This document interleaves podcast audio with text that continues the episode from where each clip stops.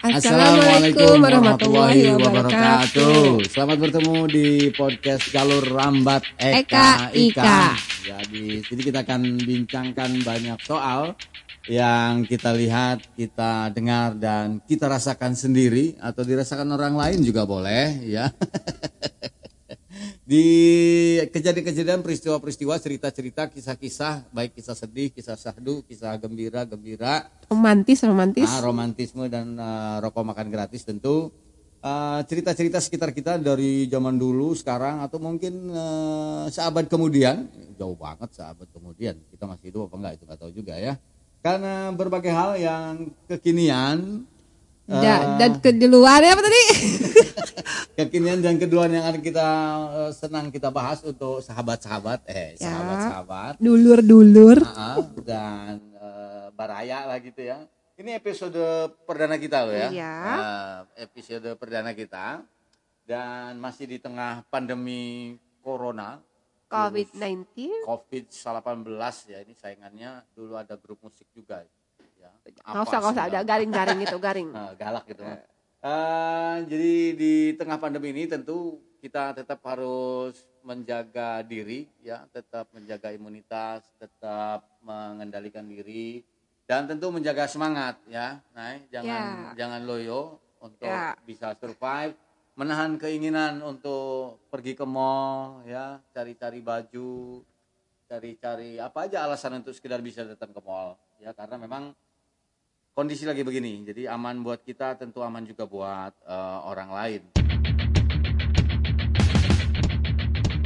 Tapi Jadi, kalau kepaksa banget kita harus uh, keluar rumah, jangan lupa pakai masker, uh, uh, jauhi kerumunan, ikuti protokol kesehatan nah, di mana pun. Yeah. Mau belanja di pasar, antara di kasir kasir minimarket atau di, di lokasi lain tetap jaga jarak. Dan jangan lupa tengok kiri kanan. Mm -mm tetangga kita, saudara kita, temannya siapa yang belum bisa makan gara-gara di PHK, ya, ya, ya.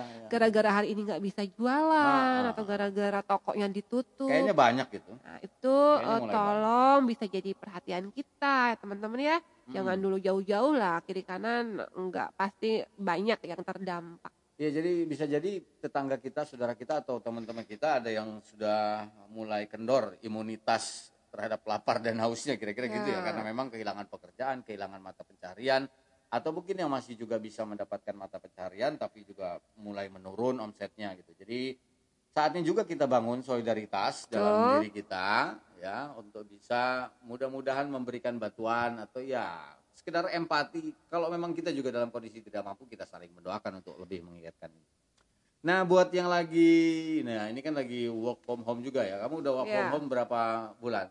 Udah mau dua bulan. Udah mau dua bulan. Gak pakai seragam. Ya gak pakai seragam. Tapi kan tetap pakai sepatu baru ya. Sepatu baru kalau ke dapur yes. ya apa aja lah untuk menghilangkan kejenuhan, menghilangkan rasa boring, kebosanan work from home. Boleh aja, nggak ke mana-mana tapi pakai jeans, pakai baju, pakai kerudung, pakai sepatu baru kalau ada. Iya, tapi lalu ditanyain sama anak-anak, ah, mau iya. ke mana? Pakai ya. lipstick dikit aja, Mau ke mana? Oke, nah yang penting itu menikmati kebersamaannya ya sahabat-sahabat di rumah jangan bosan karena bosan itu bisa menular ya. ya. Jangan ditularkan kebosanan ke anak, ke istri atau ke suami sahabat-sahabat semua. Jadi kita nikmati saja eh, apa namanya keberadaan kita di rumah ini selama mungkin mudah-mudahan eh, tidak lama lagi lah. Insya Allah eh, virus ini akan segera berlalu gitu ya. Tapi kalau udah berlalu kita malah jadi kangen loh mungkin gini, gini. Iya, kalau udah berlalu e, biarkan virusnya berlalu tapi kebersamaannya jangan. Ya kalau kita kerja lagi jangan lagi ke mana-mana lagi tuh habis pulang kerja langsung cepet-cepet pulang. Jangan lupa bersih-bersih ganti baju dan tetap pakai masker kalau ke mana-mana karena kan debunya tetap ada meskipun nggak ada virus. Ya, apa jangan ke mana-mana dulu ya. Ke mana ke mana. Ya, ya. Kalau okay saya pulang. Ya, kalau ada penugasan ya kita bisa nanti minta izin. Nah, di episode pertama ini, nah ya kita mau ngapain nih? Di episode pertama ini tentu ini tepat di bulan Mei. di hari ah, bulan Mei hari ke-71 pandemi atau wabah corona. Hari keberapa? 50 juga work from home atau masih 40-an? Uh, 50-an. Ya. Nah, ini tadi nyebut bulan Mei. Bulan uh. Mei ini agak menarik. Kalau saya ingatnya Mei banyak ya. Mei ini banyak lahir laki-laki tak bisa diurus. Tak urus. Garing Mei itu hari buruh ya. Eh, hari eh, buruh ya. Benar, hari May buruh. Day, ada hari buruh May Kemudian Day. satu bulan menuju ulang tahun saya. Ay, ada 2 Mei itu hari pendidikan. Ah ya. Pendidikan. Kemudian uh, eh, 16 Mei ulang tahun kakak awak ah, uwa uwa.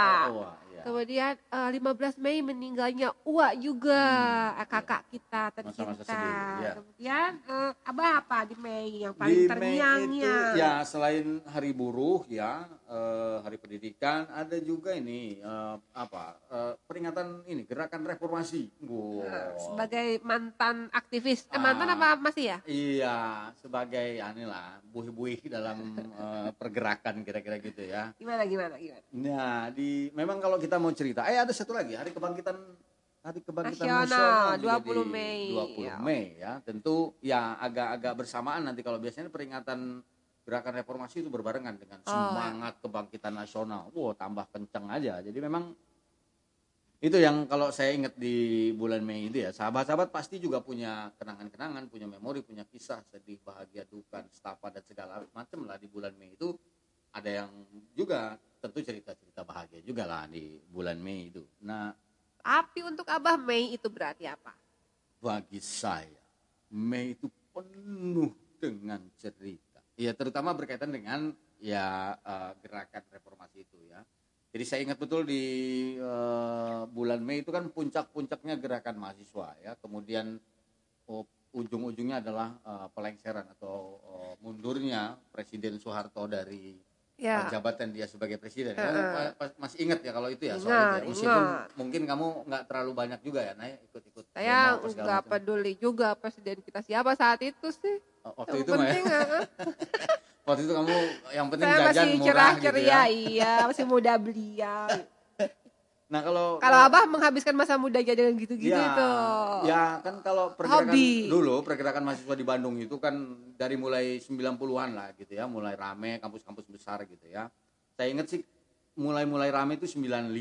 95 itu udah mulai rame ya, meskipun masih dari kampus-kampus saja aksi-aksinya, terutama aksi-aksi yang memang targetnya dalam mengkritik kebijakan pemerintah pusat yang waktu itu memang represif banget lah, dirasakan represif, terutama untuk kelompok-kelompok pro demokrasi, ya. tidak hanya mahasiswa, kelompok-kelompok pro demokrasi yang diinisiasi oleh LSM LSM tokoh-tokoh di Jakarta juga memang sudah kencang. Nah di Bandung 95 itu udah kencang, ya sudah ada isu-isu mengkritik uh, pemerintah misalnya, tapi mulai masifnya kalau bahasa sekarangnya murah masifnya ya antara 96 97 ya kalau ngomong gerakan mahasiswa. Nah Ya saya sih ya jadi buih-buih aja lah di di Bandung itu aktivitas karena memang selain di Unpas kan banyak juga ya uh, uh, aksi-aksi kayak begitu. Kayak di uh, apa namanya? Ya kalau kita bikin aksi kita sebut mimbar bebas misalnya gitu ya mimbar ya. bebas di kampus itu kalau kamu mau seru, tahu seru nah, seru seru. iya ya. buat kita seru ya. tapi buat mahasiswa yang lain nggak ngerti juga kita ya, kan? saya masuk dalam mahasiswa yang nggak nah, ngerti. Bukan nggak ngerti nggak pengen ngerti. Nah pada saat itu di awal-awal kita demo lah kata-kata sampai dengan bahkan di 97 itu ya awal-awal 97 kita kalau bikin mimbar bebas di kampus dua tiga orang paling banyak 10 orang. Itu juga teman-teman kita. Sementara mahasiswa yang lain ini saya ngomong mahasiswa unpas nih ya waktu itu itu paling ngelihat kita tuh ngeliriknya dengan ujung mata aja sambil jalan. Nah, kita nggak tahu apa yang dalam hati dalam oh, di, di, di Unpas juga gitu ya di Unpas ya? Di Unpas saya nggak tahu. Eh, kalau di Vkom Unpad memang kebanyakan aktivisnya kayaknya dibandingin oh. yang kayak kitanya kayak saya ah, ya gitu. gitu. Jadi memang banyak itu yang ikut mimbar bebas kita Aha. yang hedon hedon tuh dari atas dari atas ruang kerja eh sorry apa ruang kuliah nah, jangan, jangan waktu itu gak, kamu sebetulnya lihat lihat apa ya di sana ya iya tapi ya nggak mungkin lihat sih kalau yang kayak dulu ah kita kan kerjanya cuma jadi ya. uh, ini penye, penyemangat. Ya, jadi memang di 96 97 sampai 98 itu ya, di terutama di 97 masih banyak uh, mahasiswa yang mungkin belum tergugah, belum memahami situasi karena memang mereka harus fokus pada urusan studi mereka dan persoalan-persoalan ya. hidup mereka lah kira-kira begitu ya. ya. Nah, jadi kalau di kampus itu 9 10 orang, 15 itu udah hebat. Kita paling di kampus bebas. Kita mau keluar kita udah sudah hitung.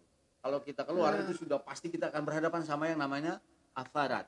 Hmm. Kalau pakai F, jadi ada tentara. Itu dulu masih ABRI apa udah TNI ya? ABRI, oh, masih ABRI. ABRI. Okay. Jadi ABRI itu masih lima angkatan, darat, laut, eh, empat angkatan sorry, darat, laut, udara, polisi. Polisi itu masih oh, masuk iya, ABRI.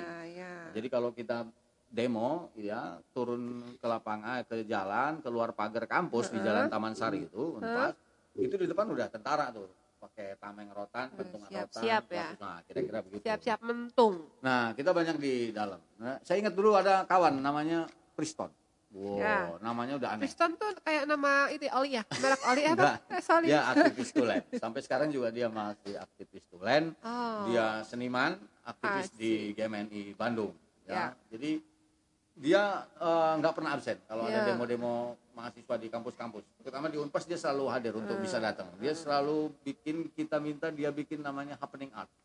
Nanti kita bisa undang pas Priston ke sini. Bisa kalau kita ke Bandung nanti bisa kita temuin uh. dia masih di sering ngajar teater atau yeah. ngumpulin ya. anak-anak jalanan mantap mantap kakak Aska pasti senang ini ya. dia gaya-gayanya begitu kan Jadi, seniman aktivis seniman dan uh, performannya penampilan dia pada happening art setiap kita mimbar bebas atau aksi itu selalu bisa memikat orang. Uh, mantap Jadi itu. mengundang perhatian. Jadi yeah. tujuan happening art itu mengundang, mengundang perhatian orang. Oh ada apa yeah, ini? Nah, itu Priston selalu berhasil. Ya uh, dia kalau baca puisi dan segala macam itu sampai sekarang juga dia bagus. Itu salah satu tokohnya itu.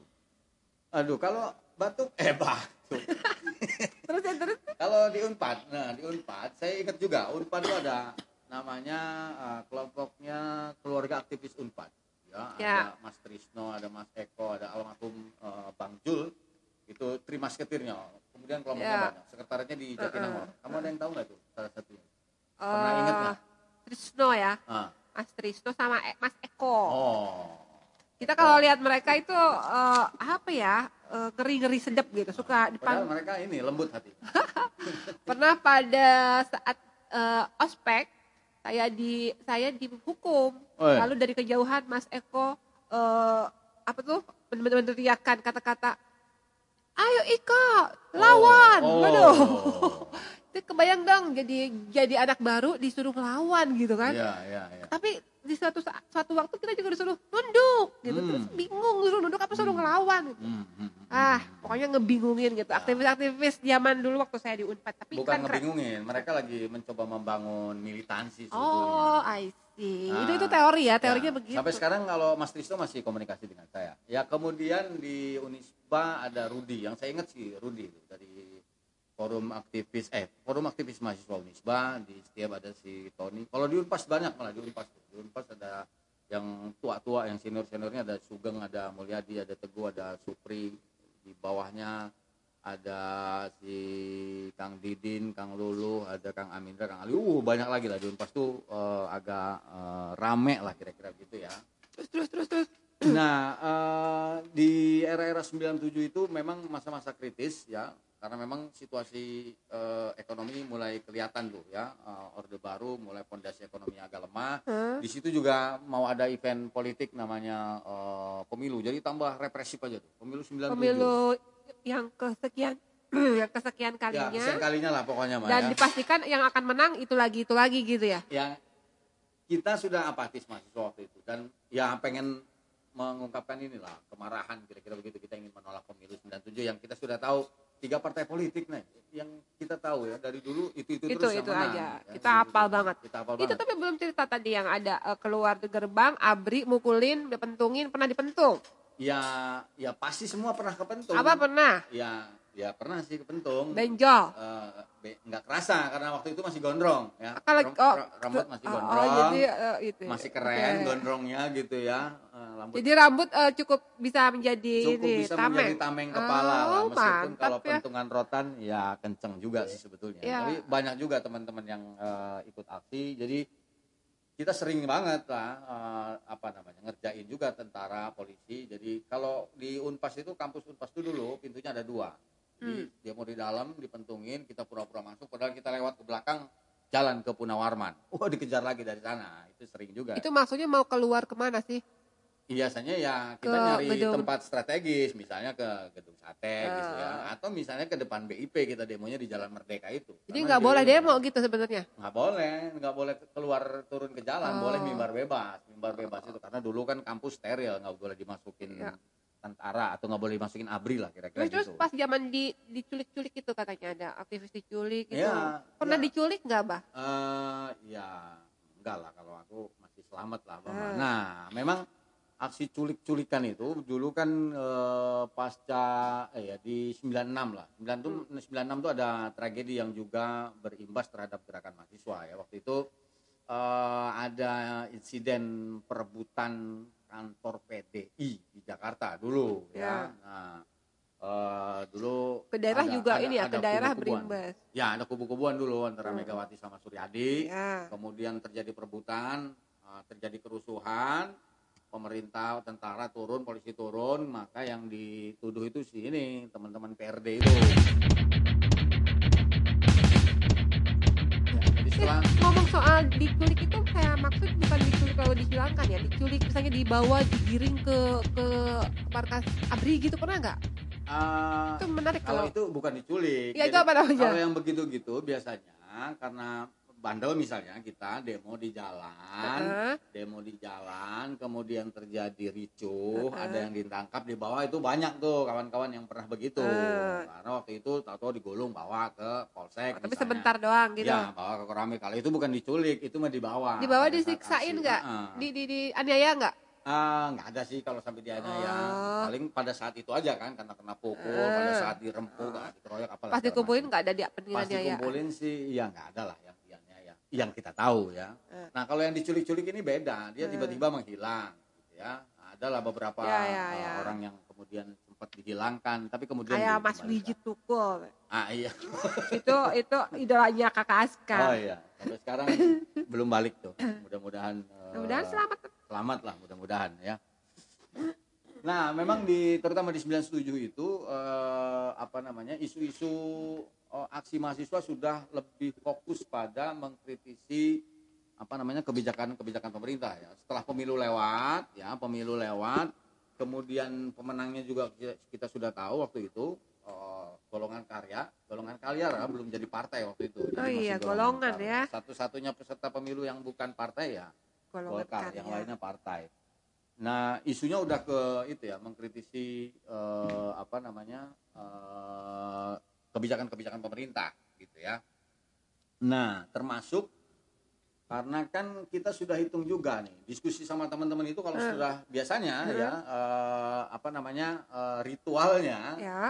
kalau sudah pemilu kemudian terbentuk Dewan Perwakilan Rakyat dan MPR-nya, uh-huh. maka akan ada yang namanya sidang umum MPR kan dulu kan belum yeah. dipilih langsung uh-huh. dong ya kan masih ada sidang umum MPR yang akan memberikan mandat kembali kepada presiden.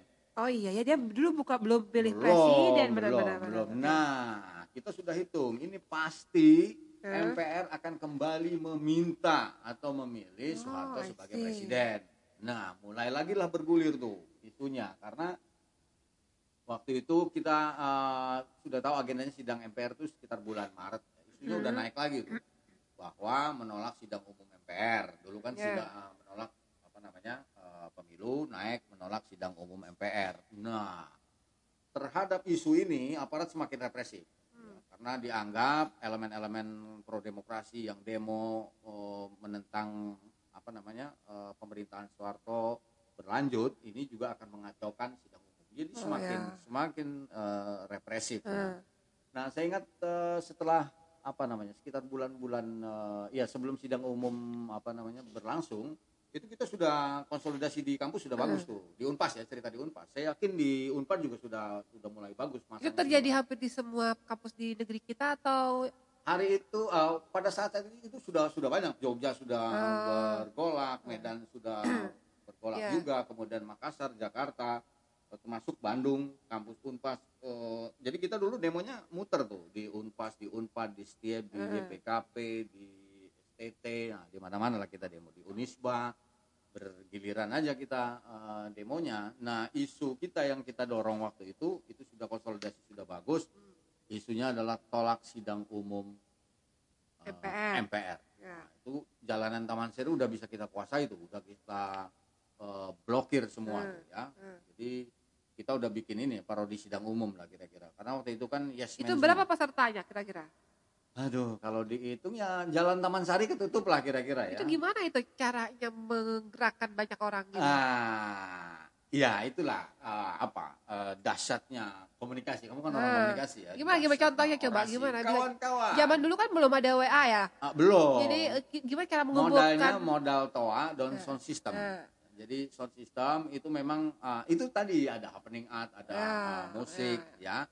Memang di tahun-tahun itu saya uh, melihat juga uh, apa istilahnya uh, aparat cukup memberi ruang waktu itu tuh hmm. itu udah deket-deket tuh jadi nggak langsung keluar langsung dipentung kan hmm. sehingga ada kesempatan kita untuk bisa uh, memblokir jalan Taman Sari hmm. ya, dan pada saat itu memang polisi mulai anu uh, berjaga lah kira-kira sampai kemudian terjadi yang mereka hindarkan kan chaos sebetulnya kalau mereka hmm. chaos mereka khawatir uh, membahayakan bagi mereka sendiri dan situasi menjadi tidak stabil kira-kira ya. begitu ya nah kita sudah bisa kuasai Taman Sari itu agak juga kita karena isunya menjadi menjadi sampai juga ke masyarakat untuk menolak apa namanya uh, sidang umum waktu itu.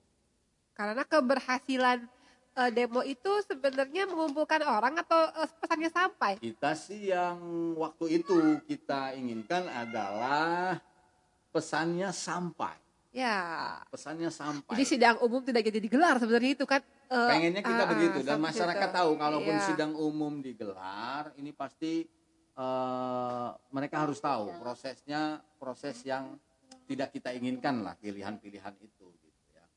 Nah memang kita tidak ada pilihan lain bahwa kalau kita mau pesannya sampai kita harus ada pernyataan tertulis kita bikin kita ya. bagikan selebaran itu, itu dilakukan kan Iya, karena hmm. hampir sama sekali kita jarang banget itu dapat liputan dari media tuh dulu jarang, iya. belum ada media Kebayang yang berani. capek banget ya demo zaman dulu itu. Uh, Alhamdulillah ya modalnya apalagi kalau dulu hmm. kita nggak kebeli toa kan, akhirnya hmm. kita punya ada fasilitas lembaga kemahasiswaan uh, di kampus itu yang gede itu hmm. uh, apa namanya wireless yang gede, nah itu yang gotong, kita gotong. Hmm. Kawan saya yang biasanya gotong ada di Din si Amindo yang gede-gede badannya itu yang suka gotong-gotong itunya ya.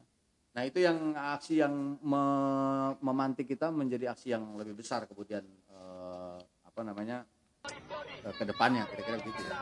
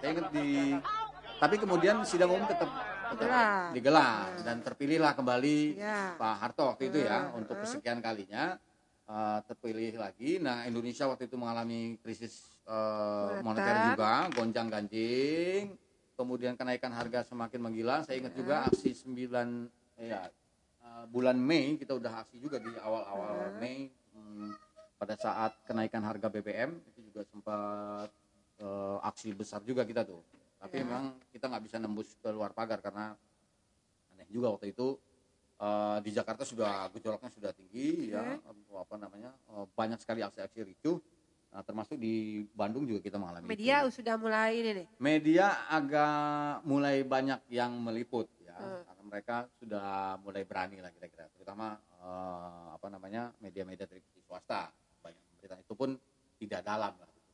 Nah tapi kita tahu betul bahwa memang media Jakarta sentris waktu itu ya. Hmm. Jadi mungkin aksi-aksi di kota-kota kayak Bandung, Jogja, Medan nggak terlalu banyak juga yang yang yang meliput. Tapi mulai diakomodir gerakan-gerakannya. Tapi saat itu uh, sadar nggak bahwa mungkin demo ini tidak sampai gitu, tidak efektif hanya buang-buang energi. Nah, ada kepikiran oh, enggak, begitu enggak? Kita nggak ya? kepikiran begitu. Mantap. Kita masih kata aja udah, ya. pokoknya yang penting pesannya sampai mau ke ya. dua, tiga, empat, lima orang yang penting sampai. Orang kemudian enggak. Dan itu terbukti pada saat di Mei itu dari awal Mei itu aksi kita selalu di, banyak diikuti oleh mahasiswa yang sama sekali dulu kita nggak kenal gitu dan saya tahu biasanya dia di kelas tapi tiba-tiba ikut ada dalam forum itu cukup memuaskan ya uh, ya memuaskan bukan memuaskan sebetulnya kita yakin bahwa oh ini sampai ternyata pesannya. Uh. mereka tergugah dan waktunya kita memang untuk bisa uh, bergerak. Itu aktivis-aktivis juga kayak begitu nggak mikirnya takutnya?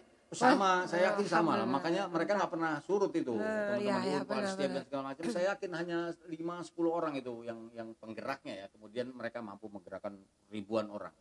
Di di di, di Gasibu itu ya kumpul belasan puluhan ribu orang.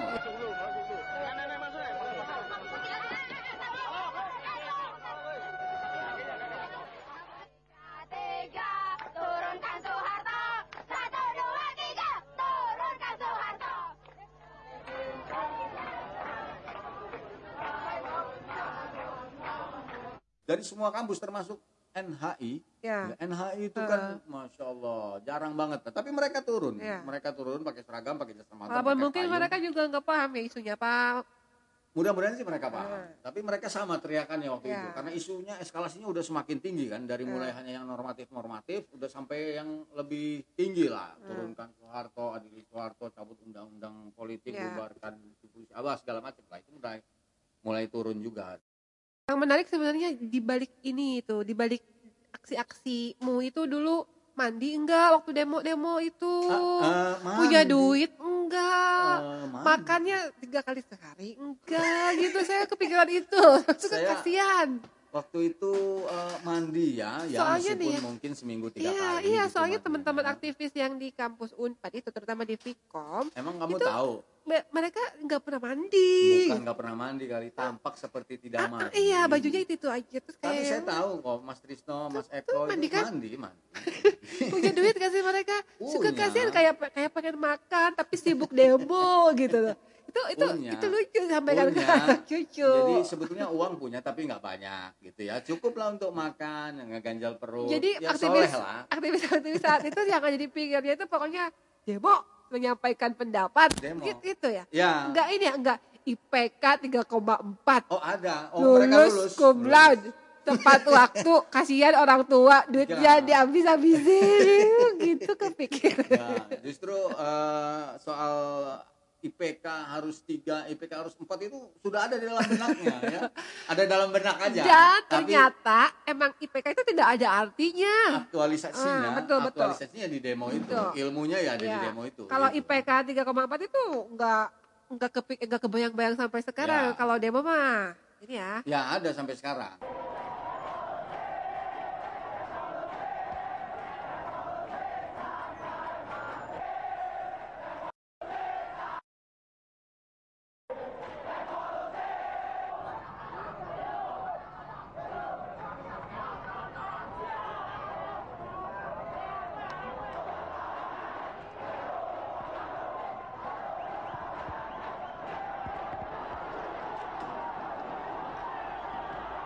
Saya ingat ada yang tragedi paling uh, menyedihkan, mengenaskan, mengenaskan bagi kelompok iya. mahasiswa adalah uh, pada saat terjadi penembakan mahasiswa mahasiswa Jakarta. Sakti di Jakarta uh. waktu itu kan. Itu 12 Mei kita di Bandung sudah aksi besar, malamnya kita lagi kumpul tuh setelah evaluasi dengan teman-teman dari kampus yang lain huh? saya kumpul di satu rumah kontrakan teman-teman di Dago di sebelah Holiday Inn ada rumah tuh. Huh? dulu ada kantor apa sebelahnya ada rumah hotel ya? kontrakan. Ya? eh, sekarang jadi enggak enggak ada, enggak ada. Dulu sebelahnya hotel Inn kita kumpul di situ malamnya kita lihat berita itu udah diberitakan soal uh, penembakan beberapa mahasiswa yang kemudian akhirnya mereka meninggal. Wah itu melihat itu kita uh, tercengang banget itu ya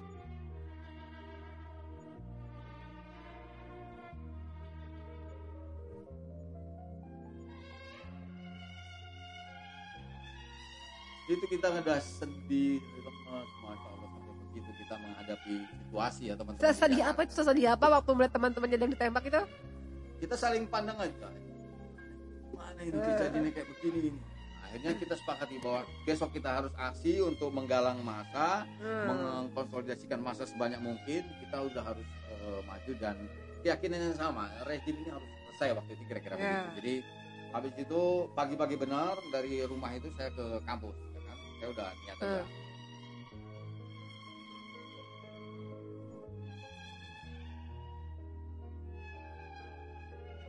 jalan kaki dari rumah kontrakan itu dulu mah ada jalan jalan kaki dari mana? Dari rumah kontrakan ke mana? ke kampus oh ya dekat itu, itu mah. Ya bisa nembus dari belakang Holiday Inn tuh uh -uh. ketemu Punawarman lah kampus Unpas uh -uh, ya kan? iya.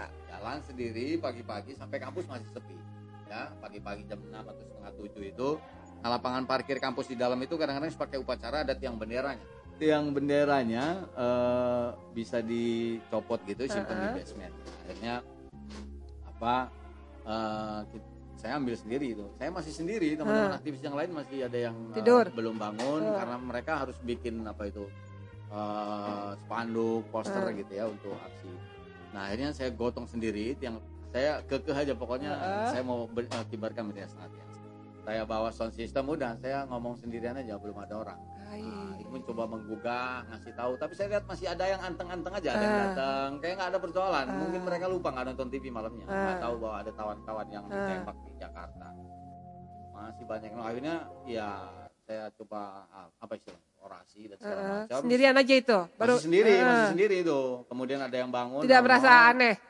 aneh juga sih orang lain mungkin yang melihat saya itu aneh. saat itu ada yang ada yang me, ada yang me, me, mendokumentasikan nggak? Uh, saya paling susah melihat eh, mencari foto yang ada sayanya pada saat demo itu. saya juga aneh ya teman-teman saya yang tukang moto-moto itu nggak pernah. Kalau zaman sekarang yang kayak gitu pasti udah selfie ya? Oh iya iya. Jadi tapi ada orang yang dulu ada anak fakultas sebelah gitu ya di Unpas itu ikut demo juga. Ke mana-mana dia selalu bawa kamera pocket. Hmm. jadi kalau ke mana-mana dia moto sendiri gitu. Ada yang kayak begitu ada. Tapi waktu itu ada teman saya namanya Jul si Jul ya, saya panggilnya si Jul. Nah unpas juga yang suka bawa kamera merah. Itu dari berapa banyak foto yang dia punya koleksinya nggak hmm. ada satupun foto saya.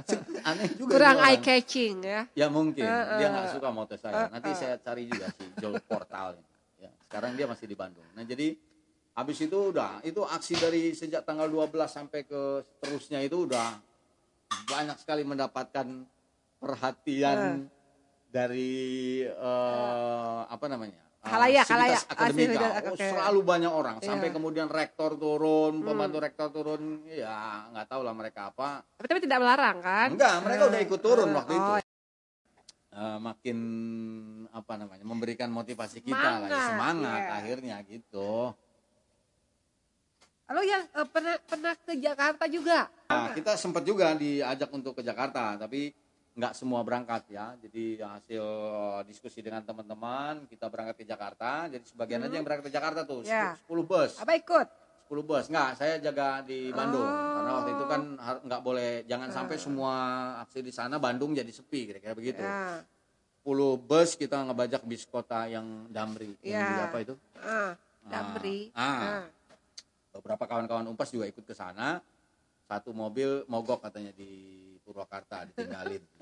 Tapi sempet lah kawan-kawan ketemu di Jakarta di sana. Nah, Alhamdulillah konsolidasi jadi, jadi Jakarta tetap uh, aksi, di Bandung tetap aksi, di hmm. Jogja juga rame, Medan dan sebagainya. Serentak gitu. Rame lah pokoknya itu aksi-aksi itu. Jadi memang uh, itu momen-momen saat Pak Hartonya mau turun itu ya? Ya mau turun sampai hmm. kemudian di 17 atau 18 Mei itu kan mahasiswa di Jakarta udah bisa mengkonsolidasikan diri dengan baik, kemudian bisa menjebol gerbang DPR. Mereka yang penjarahan-penjarahan segala itu kan? Itu setelah ini, setelah 12 Mei itu, 13, 14, 15 kan, uh, yang kerusuhan uh, besarnya uh, itu di Jakarta, uh, penjarahan, konon ada pemerkosaan dan segala macam itu. pembakaran segala itu. itu. Itu yang bikin mencekam juga waktu yeah. itu. Iya. Hampir saja waktu itu uh, apa istilahnya uh, semua daerah yang menjadi wilayah banyaknya aksi ya. itu khawatir eh, terjadi kerusuhan juga. Hmm. Ya, termasuk Bandung kita waktu itu agak khawatir juga. Ini jangan-jangan hmm. kita memicu demo apa demo-demo kita memicu kerusuhan ya. dan segala macam. Akhirnya uh, uh. tapi alhamdulillah Bandung ini agak bagus ya, bagus lah saya kira. Mereka kita banyak menyebarkan apa namanya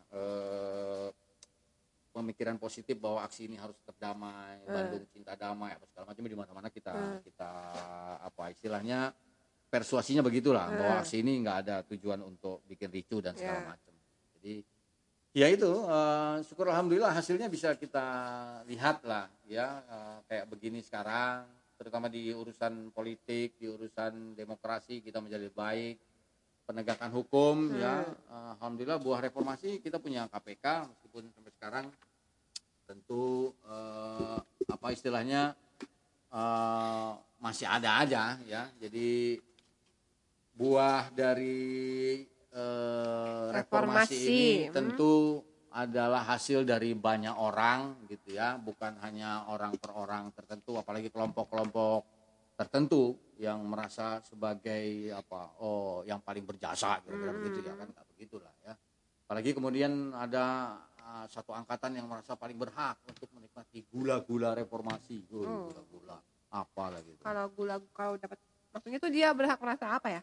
Ya merasa dapat ini itulah gitulah merasa boleh jadi apa gitu. Ah, merasa boleh jadi anu jadi ini gitu. Oh, jadi itu mah berarti enggak ini ya. Ya karena waktu itu kan semua bergerak ya mahasiswa hmm. bergerak di garda terdepannya ada kelompok masyarakat lain yang sumbang saran yeah. nyumbang air nyumbang itu kan kelompok masyarakat juga yang berperan uh, dalam mewujudkan perubahan. Dan harusnya nggak minta imbalan apa-apa gitu sekarang. Ya enggak lah. Walaupun aku nggak minta apa-apa. Udah gula, ada gula, gula, gula, gula, tah. Eh dan inget loh ya, inget loh ya, ini tahun 2020 ini sudah 22 tahun ya gerakan reformasi lewat ya eh, perjuangan penuh peluh dan darah ya baik itu ya. mahasiswa dan seluruh komponen masyarakat ya waktunya sudah panjang 22 tahun Ya, jadi masa mau kayak dolo-dolo lagi aja ya ya korupsi harusnya udah hilang mestinya hmm. ya terus apalagi kolusi ya, harusnya wis mampus kemudian nepotisme uh, nepotisme ini dulu kental banget nih, ya, 90-an hmm. sampai 98 yeah. itu itu yang kita ingin hilangkan eh sekarang berubah jadi dinasti katanya gitu ya setiap masa ada orangnya setiap ah. orang ada masanya nah, itu Ya oke okay ya. Oke. Okay. Oke okay, terima kasih uh, itu edisi uh, perdana kita ya di jalur lambat Eka kali ini. Sehat selalu. Nanti kita cerita lagi soal okay. yang lain. Iya jaga imunitas terutama dari godaan virus yang terkutuk. Wassalamualaikum warahmatullahi wabarakatuh.